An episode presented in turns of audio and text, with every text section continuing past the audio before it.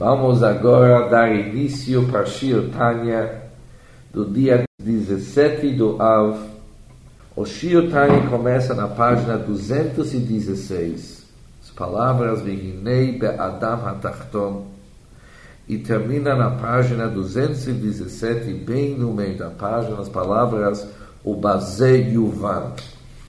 Agora o Balatanya está voltando para o início do nosso Perek, onde que ele trouxe o versículo Vayas David Shem, que David construiu um nome. O Pirush HaPashut, explicação simples do Passuk é que David, David Hamelach, o rei David, ele construiu um bom nome para o povo de Israel.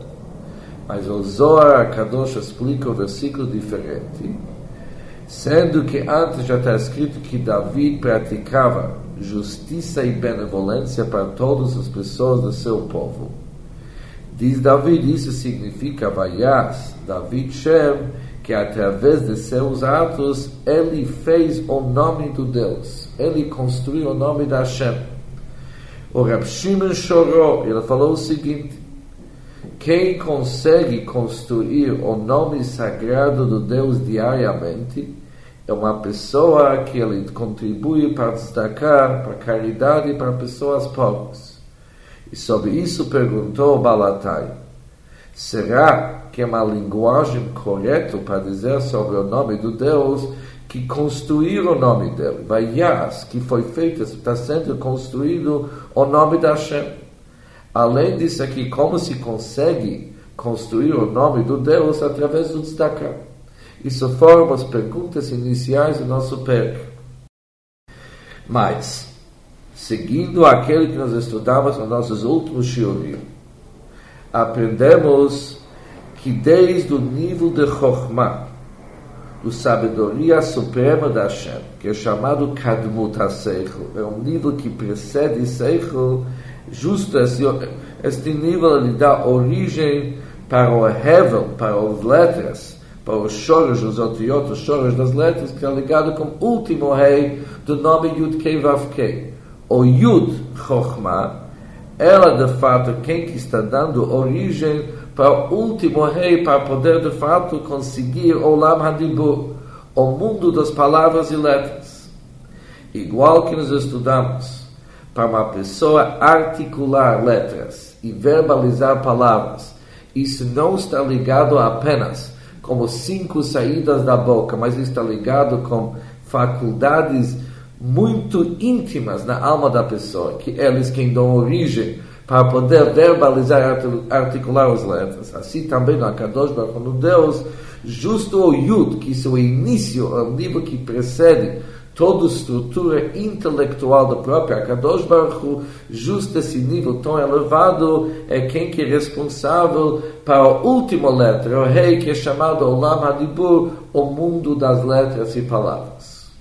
Mas sem dúvida nenhuma, para ligar o Yud como rei, para ligar os extremos tão distantes, é necessário um grande tzimtzum. Sempre quando queremos ligar um nível que ele é totalmente elevado e afastado de uma certa realidade para trazê-lo num nível inferior, é importante o processo de tzimtzum para condensar, para contrair. E para fazer esse tzimtzum, nós, nós, do nosso lado, para poder pedir para Kadosh Baruch para ele entrar no processo de tzimtzum, de ir do miúdo, iniciar do miúdo e terminar como rei, nós devemos fazer um certo serviço. E sobre isso vamos estudar hoje. E o mais que nós vamos entender a distância do processo, a dificuldade do processo, e quando ele exige um tzimtzum, mais vamos perceber como que nosso avodar, aquele que cabe a nós, é tão importante porque justo baseado sobre nosso avodar, e nesse caso vai ser avodat tzedakah, dependendo da nossa avodat tzedakah, é nós que vamos dar a força, aliás, o grande motivo para o processo de ligar o Yud com o rei. E agora vamos para Shir Tanya dentro. והנה באדם התחתון למשל, quando usamos o Adam Hatachton, o ser humano que se encontra nos mundos inferiores. E vamos aproveitar ele para ser pelo menos um exemplo. Mishahu Chacham Gadol. Se se encontra entre nós uma pessoa que ele é muito inteligente, ele é chamado Chacham Gadol, que em seu poder ele é Haskil Niflaot Chochma, ele é capaz de entender assuntos abstratos de Chochma de inteligência. O Mitzamtzem, Sichlo Machshavto, Beot Echad. E se exige dele para pegar toda a profundidade da sua inteligência e condensar isso aqui numa letra só da sua fala. Você fala para ele, olha, pega tudo que você tem, todo o teu conhecimento e contrai isso aqui, vai condensando isso aqui usando apenas uma letra. Hinizeu Tzimtzum Atzum seria uma contração muito forte, uma Yerida Gidolá Lechochmato Nifla, seria uma grande descida. Para sua inteligência tão extraordinária. Ou seja, a exigência que se pede de uma pessoa para pegar um século, uma certa ideia e condensá-la numa letra, numa palavra, para poder fazer isso aqui, é praticamente impossível, porque ou que ele não vai conseguir, ele vai falar precisa muito mais do que uma palavra, ou talvez se ele usa uma palavra, jamais que aquela palavra ela vai ser um cli, vai ser um recipiente para poder suportar toda a ideia, porque a ideia é imensa. Será que com uma palavra, com uma letra, pode se tornar um cli, um recipiente para uma ideia tão grande e tão elevada? Mas existe esse, esse conceito e nós devemos usar isso como machal, que justo isso nós pedimos para Kadosh Baruch Hu. Nossa exigência para Kadosh é muito mais do que isso. Assim também uma forma de uma analogia. E essa e sem dúvida muito mais, infinitivamente muito mais, em relação com a Kadosh Baruch. Hayat tzimtzum gadol atzum teve uma condensação, uma contração forte e imenso. Kasher Hashem nasu. Quando Deus, com sua palavra, Beshesh et yemei beresh, nos seis dias de criação, o Beruach piv kol tzvaam, e com o sopro da sua boca, ele criou todos os hostes celestiais. Quando a Kadosh Baruch criou o mundo com suas palavras. E com o sopro de sua boca ele criou o tzvah Hashamayim, os ossos celestiais. Isso é igual de um grande chacham pegar todo o século intenso que ele tem e forte e colocar ele em palavras limitadas, em uma letra só. E mais ainda, ri, quando se refere às palavras da Hashem, é Ot Rei de Shem Baruch, é o último rei do tetragrama da Kadosh Baruch, chamado Yud Kei Vav Kei, que nós já estudamos sobre Os Rei, é uma ataklila, é uma letra leve. Rei é a letra mais leve que tem, que ela não tem substância. Estudamos antes que a letra Rei é uma ataklila de letre mashash, é uma letra que para articular uma letra, ela tem menos substância em referência às outras 22 letras que tem na Torá. E por isso, quando se fala que Deus criou o mundo inteiro como rei, significa que Deus pegou toda aquela força vital e todo aquele que representa o infinito precisava inserir, encaixar isso aqui numa letra só e entre as letras a letra mais leve ainda. Como como está escrito, Behi Baram, quando Deus criou Shamayim, ser escrito Bihi Baram ao ser criados.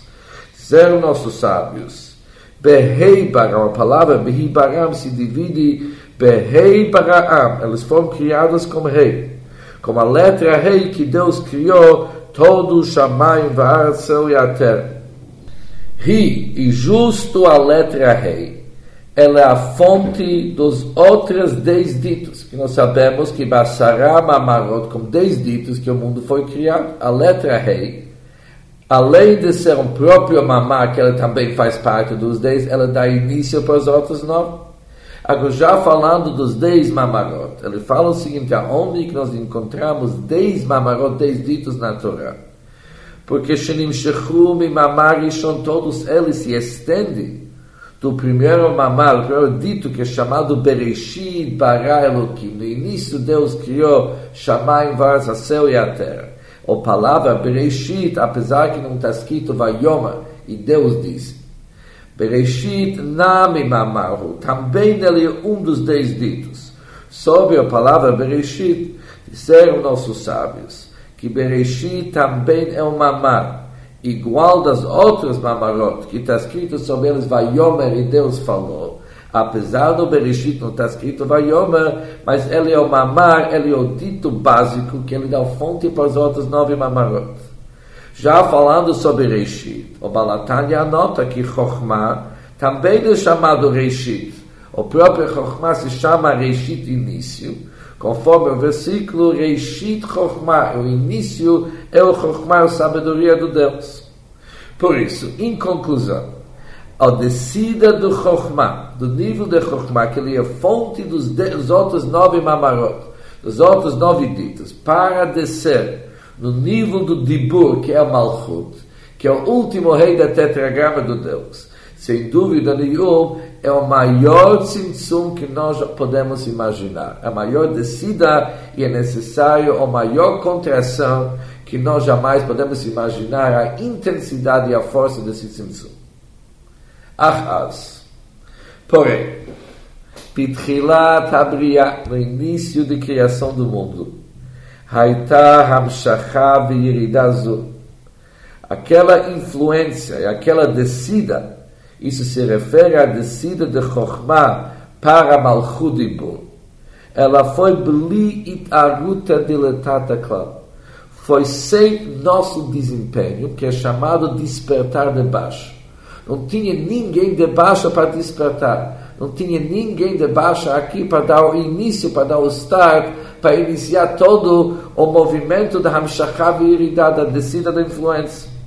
E o motivo é que Adam em lavot, isso é um versículo que está escrito no início do Chumash Bereshit. Não teve ainda um homem para cultivar a terra. que isso significa? Não teve ainda uma pessoa, um homem aqui embaixo, para ele poder, através do seu próprio esforço, iniciar o processo da Hamshachá de influência da Kadosh Baruch. Sendo que não veio de nosso lado, não veio de Taruta deletado, não dependia naquele momento sobre o desperto de baixo, despertar do baixo. Raki Hafetz Chesed. Foi somente pelo fato que Deus, ele deseja a benevolência e a bondade. Por isso, o Deus, de fato, ele que tomou a primeira iniciativa para dar um start, o início para todo o que nós chamamos Hamshachah, e toda qualquer influência, Hamshachá e Iridá e descida para nosso mundo. Veio do lado do Deus. E Olam Chesed Ibané. O mundo foi criado através do Chesed, através do bondade da Hashem. Por que que usado esse versículo? Nós sabemos que o versículo Olam Chesed Ibané, que o mundo foi criado através do Chesed, podemos entender-lhe em duas maneiras ou Olam Chesed Yibane, para criar o mundo, Chesed Yibane, isso vem através da bondade e benevolência da Hashem. Sendo que era totalmente a benevolência da Hashem. Porque não tinha ninguém que poderia se pensar naquele momento que merece. Que não foi feito nada ainda para merecer. Conforme o versículo Adam Ain lavou, não tinha ninguém para cultivar a terra. Por isso, todo o processo depende somente sobre a vontade da Hashem. Além disso aqui, é Alpi Hassidut, existe mais uma explicação. Olam, naquele momento, quando era necessário para criar o mundo, Chesed também o conceito de benevolência foi criado. Não tinha benevolência antes. Para criar o mundo, sendo que nós estudamos antes os atributos do Deus, são para dirigir os mundos. Por isso, assim, quando subiu na vontade da Hashem, para criar o mundo, naquele momento Deus falou, Chesed Ibané, é a hora de construir e criar o próprio Midat Chesed, o próprio atributo de bondade. Mas de qualquer maneira, o quem que é responsável para criar o mundo é Sfirat Achesed, atributo de bondade. Porque justo precisa tanto bondade, porque ninguém merece nada para não ter ninguém. Ainda Adam Ain não tem ninguém para dar início no processo. Agora vamos voltar de novo para a palavra Behibaram. As letras de Hibaram são as mesmas letras como Avraham. Quando mudamos as letras um pouco de Behibaram, modificado se torna Beavraham. Qual a ligação que existe entre Avraham e Hibaram? Que é conhecido que Chesed Avraham, Avraham, Yitzhak e Yaakov. O atributo ligado com Avraham é o Chesed. Como Yitzhak é Gvorá justiça, como Yaakov é Rahmanut piedade e também é meta verdade. Mas para Avraham sempre é Chesed é bondade. Por isso, quando se fala Behibaram, ao criar Shamayim Vaaretz, logo está ligado com o mesmo conceito de Avraham, que ele simboliza Midat HaChesed. Mas isso era apenas no início. Ah, Achar Briat Adam. Após que o homem foi criado, que o conceito do homem ele avdá ule shomra, ele tem que cuidar da terra e também da avdá ele tem que cultivar. Isso significa agora já depende nele para ele dar o início a um processo através de taruta deletado no despertar aqui de baixo. Azai kol taruta de leil. Todo despertar de cima. Todos os hamshachot, as influências que vêm do lado da Kadosh Baruch leorer midat chesed para despertar a bondade divina, a bondade superior. O bitaruta diletate, ou seja, depende do despertar aqui de baixo. Ou seja, somente através da avodata Adam, do nosso trabalho aqui embaixo, nós devemos despertar e dar o início para a vontade da Kadosh Baruch para Kadosh Baruch praticar bondade conosco, nós devemos pedir, exigir, mas pedir exigir através de fazer nossa lição de casa. Nós temos muito a fazer para poder pedir. O que que nós devemos fazer? Através da justiça, da caridade e bondade que nós praticamos no nosso mundo. Israel, o símbolo que nós fizemos no nosso mundo através do nosso tzedakah chesed, nós vamos dar início do processo para Kadosh Baruch Hu influenciar o último rei do Shem iniciando do Yud, que é o Reshit Chokhmah, que é o início do processo. Ou seja, para poder atrair do Yud para rei, fazer uma Hamshachah, puxar a influência do Yud até o rei, isso depende através de nossos da Kava Chesed, que é através da nossa bondade que nós praticamos. Nós despertamos a bondade da Hashem, e quando a Kadosh Baruch desperta o atributo da bondade dele, isso dá o início ao processo para querer descer do Yud para o rei. Lachei Amru Rabotenu Zal. E por isso que nossos sábios disseram, Kol haomer ein lo ela Torah. Se uma pessoa fala, eu somente vou me dedicar ao estudo da Torá. Bli gemilut chassadim, sem praticar atos de bondade, sem ajudar pessoas pobres, ou dar empréstimos para pessoas que necessitam. Diz o Talmud, se alguém está querendo ficar somente na Torá, sem destacar, afilo Torá em ele vai ficar sem Torá também, ele vai ficar infelizmente sem nada. Porque o certo é ela laçou betorá o biglut hassadim. Ele deve dedicar-se tanto à Torá e também para atos de caridade.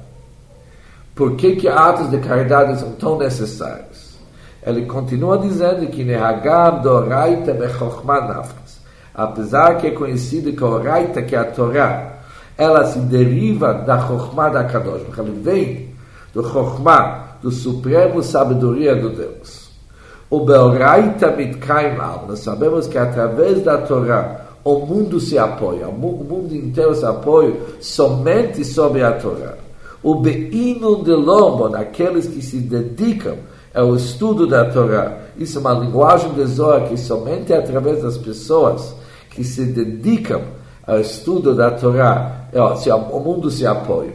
E ele diz a explicação porque Kibe de quando as pessoas conversam, se dedicam às palavras da Torá, mamshichim ha'arod v'hashpaot. Com isso aqui, eles atraem irradiações e influências do nível de Chokhmah Ilah, do supremo sabedoria do Deus que Makor a Torá, que é fonte da Torá. E eles, de fato, são a causa, Liprinat Otiot Adibur, para descer e atrair desde o nível de Chokhmah até o nível das palavras do Dibur, da fala do Deus, que através das letras e palavras, e Veolam, o mundo de fato, foi construído, foi criado. Que mamar abotei-nos conforme disseram nossos sábios. Al tikri banaich ela bonaich. Isso é um versículo que nós falamos de Ayamenti. Vechol banaich limudei Hashem, verav shlom banaich e todos os teus filhos serão estudiosos da Torá, e grande será o pai do Bonaich. De teus filhos, sobre isso falaram nossos sábios, altikre Banaich. Não leia somente Banaich teus filhos, mas sim Bonaich, teus construtores. Pessoas que estudam Torá, se dedicam, estudo da Torá, Talmidei Chachamim, eles não são apenas teus filhos, mas eles são os construtores, porque eles constroem e apoiam o mundo através do estudo da Torá. Por isso, sem dúvida nenhuma, o estudo da Torá ele é o maior contribuidor para o apoio do mundo. Mas isso aqui ainda é insuficiente. Harei Hamshachazu, para de fato, essa influência que vem do Chokhmah para as letras do Dibur, e Prinat Yerida Gdolá, estudamos antes que uma grande descida. E para poder construir e de fato poder apoiar o mundo, que isso significa trazer das letras, trazer do nível de Chokhmah de Dibur. Para isso, lazer tzarich lorer chesed elyon hanimshach kamay. Por isso devemos despertar a bondade da Kadosh Baruch. Tem que entrar o atributo de bondade que ele vai influenciar a descida de Chokhmah até o Malchut, a descida de sabedoria suprema do Deus até o mundo das letras e palavras. Porque justo o nível do Chesed, Hanimshar Kamayim, o símbolo do Chesed é água. Da mesma maneira como a água, eles vêm de um lugar alto e descem para um lugar baixo. Assim também a tendência de Chesed é para trazer e atrair assuntos elevados e levar eles até lugares baixos. Lamakom namuch. Do lugar alto para um lugar baixo. E esse chesed vem toda essa bondade que nós queremos dispertar a kadosh bo khis de pendi bitavut de letata do despertar de baixo que des da kava khasetata que através da nossa caridade e nossa benevolência chamamos shekhim ki nois de fato vamos influenciar khaim ve khaset nós vamos compartilhar vida e bondade.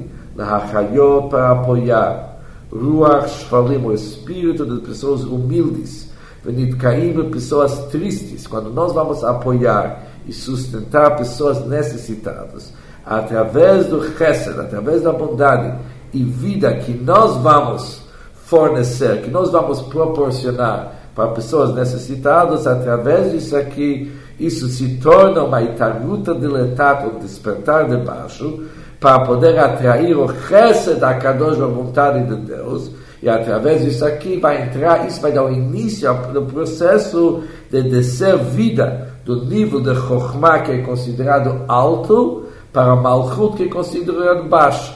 Nossa contribuição, alto para baixo, uma pessoa que tem para a pessoa que necessita, isso se serve como isso serve como itaruta deletata para despertar o mesmo processo nos mundos superiores. Aquele que tem, que possui, que é rico, que é poderoso, infinito, simboliza o nível de Chokhmah. Para aquele que precisa, simboliza o nível de Malchut, o mundo do Dibur.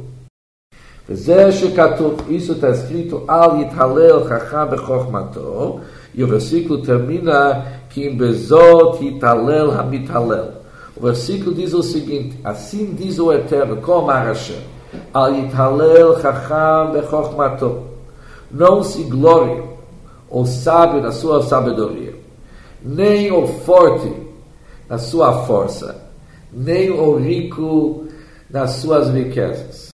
Mas quem de fato merece se gloriar, aquele que de fato que dedica seu tempo para entender e conhecer Deus, e com isso rasquel e somente bezot e quando que ele merece louvor, quando ele se dedica a me entender, e o passo termina que Ani Hashem, pois eu sou eterno que faço benevolência, juízo e justiça na terra. Ou seja, podemos levar, podemos elogiar Chokhmah quando ela está ligada com Chesed. Quando Hashem é o Chesed, quando Hashem pratica bondade, naquele tempo, Mehalelim Chokhmah, louvamos o Chokhmah. Ou seja, Chokhmah ele entra no processo através da Hashem o Chesed. Quando Deus pratica bondade, que a Chesed, que é justa bondade, que a Adam, que nosso, nosso pessoal fizemos aqui embaixo, Ani Hashem ose chesed. Isso causa que Deus traz o chesed dele, chesed do Asiá, o chesed do nível inferior. O Amamshi Chaye HaChokhmah Lamata, ele é quem que é responsável para atrair o nível de Chokhmah aqui para os mundos inferiores, para o último rei de Shemavai. Em Lav, se falta o nível do Chesed, existe somente Chokhmah mas não existe a influência de Chokhmah para Malchut. Chokhmah existe, mas poder, para poder ligar Chokhmah com Malchut, isso, para isso precisa destacar a Chesed. Mas se é somente, somente Chokhmah, é chamado Chokhmah Tolevador. Chamado somente Chokhmah, e sobre Chokhmah da Kadosh, sozinho está escrito Al Yithalel, não é para ser louvado. Porque de fato ele somente vai permanecer nos mundos superiores não tem Beliam Shachat Chaim Mimeno, não vai ter influência da vida dele. Para poder ter influência da vida, ou seja, para Chokhmah, Chazish Deus nos livre, para poder ter uma Shachat Chokhmah para Malchut, ela deve entrar no processo através do Midat HaChesed. E quem que de fato desperta, desperta a bondade da Kadosh Baruch Hu, é nossos práticas de Chesed aqui que nós fizemos no nosso mundo, isso é verdadeiro e da luta deletata, o despertar de baixo para dar o início à ligação do Yud com Rei. E com isso termina o Shirtani de hoje.